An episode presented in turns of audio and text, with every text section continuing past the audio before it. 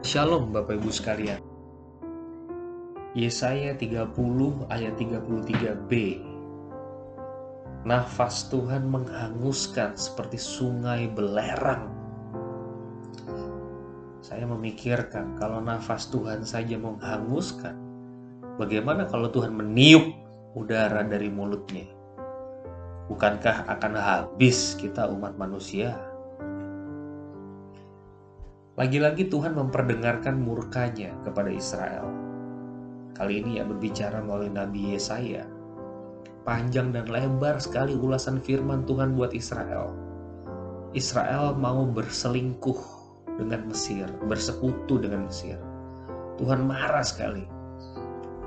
Israel sudah pasti akan kalah dan terjajah tapi Israel masih mengupayakan kemenangan dengan bersekutu bersama bangsa asing.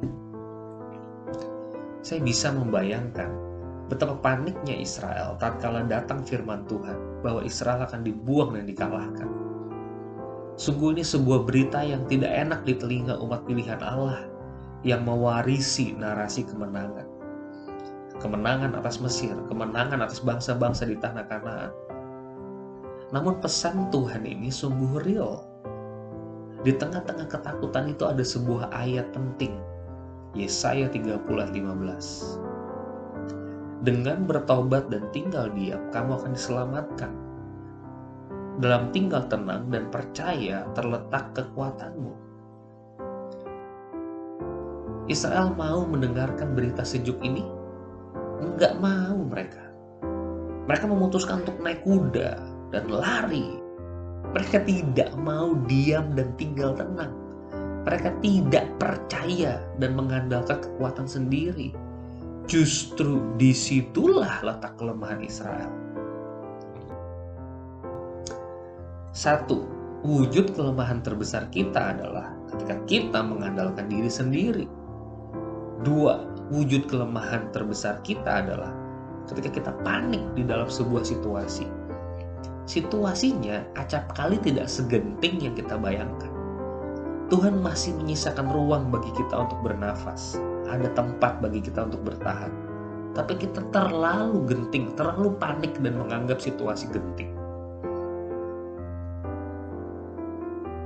Yesaya udah bilang, kamu tuh ya mbok bertobat.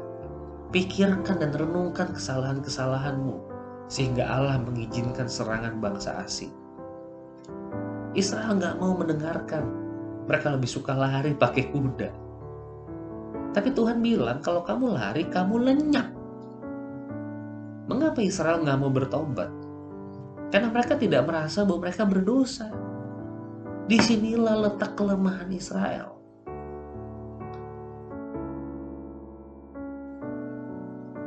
Renungan ini dibuat ketika Presiden Jokowi memutuskan melanjutkan PPKM sampai 2 Agustus.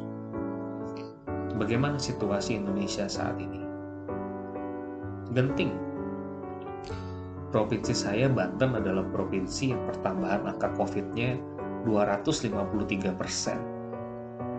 Menurut IG Pandemic Talks, ranking satu di antara seluruh provinsi di Indonesia Bagaimana menyikapi hal semacam ini? Saya merasa penting bagi kita untuk bertobat dan diam. Emang corona gara-gara dosa saya, Pak? Saya mengajak kita bersama-sama untuk merefleksikan bagaimana kehidupan kita di dalam pandemi ini. Apakah kita justru lebih takut akan Tuhan atau kita semakin liar berbuat dosa? Apakah kita tetap tenang di dalam pandemi ini? Atau kita hidup di dalam rasa takut yang berlebihan? Kita di rumah aja, nggak berani keluar, disuruh menolong dan melayani sesama nggak mau. Alasannya takut menjadi OTG dan membahayakan orang lain. Kita diam, tapi diam di rumah. Bukan diam model begini yang Tuhan inginkan. Diam di rumah begini sesungguhnya melemahkan kita. Kita penakut, kita panik di dalam rumah kita sendiri, kita tidak menolong sesama yang membutuhkan. Kita tidak memikirkan jutaan orang Indonesia di dalam hati kita tatkala kita di rumah aja stay safe. Anda tidak akan pernah safe. Hembusan nafas Allah menunggu Anda. Bahkan tiupan nafasnya bisa menembus pintu rumah Anda. Dengan bertobat dan tinggal diam, kamu akan diselamatkan. Dalam tinggal tenang dan percaya terletak kekuatan.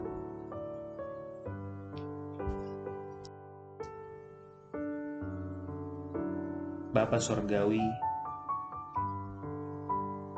ampunilah kami.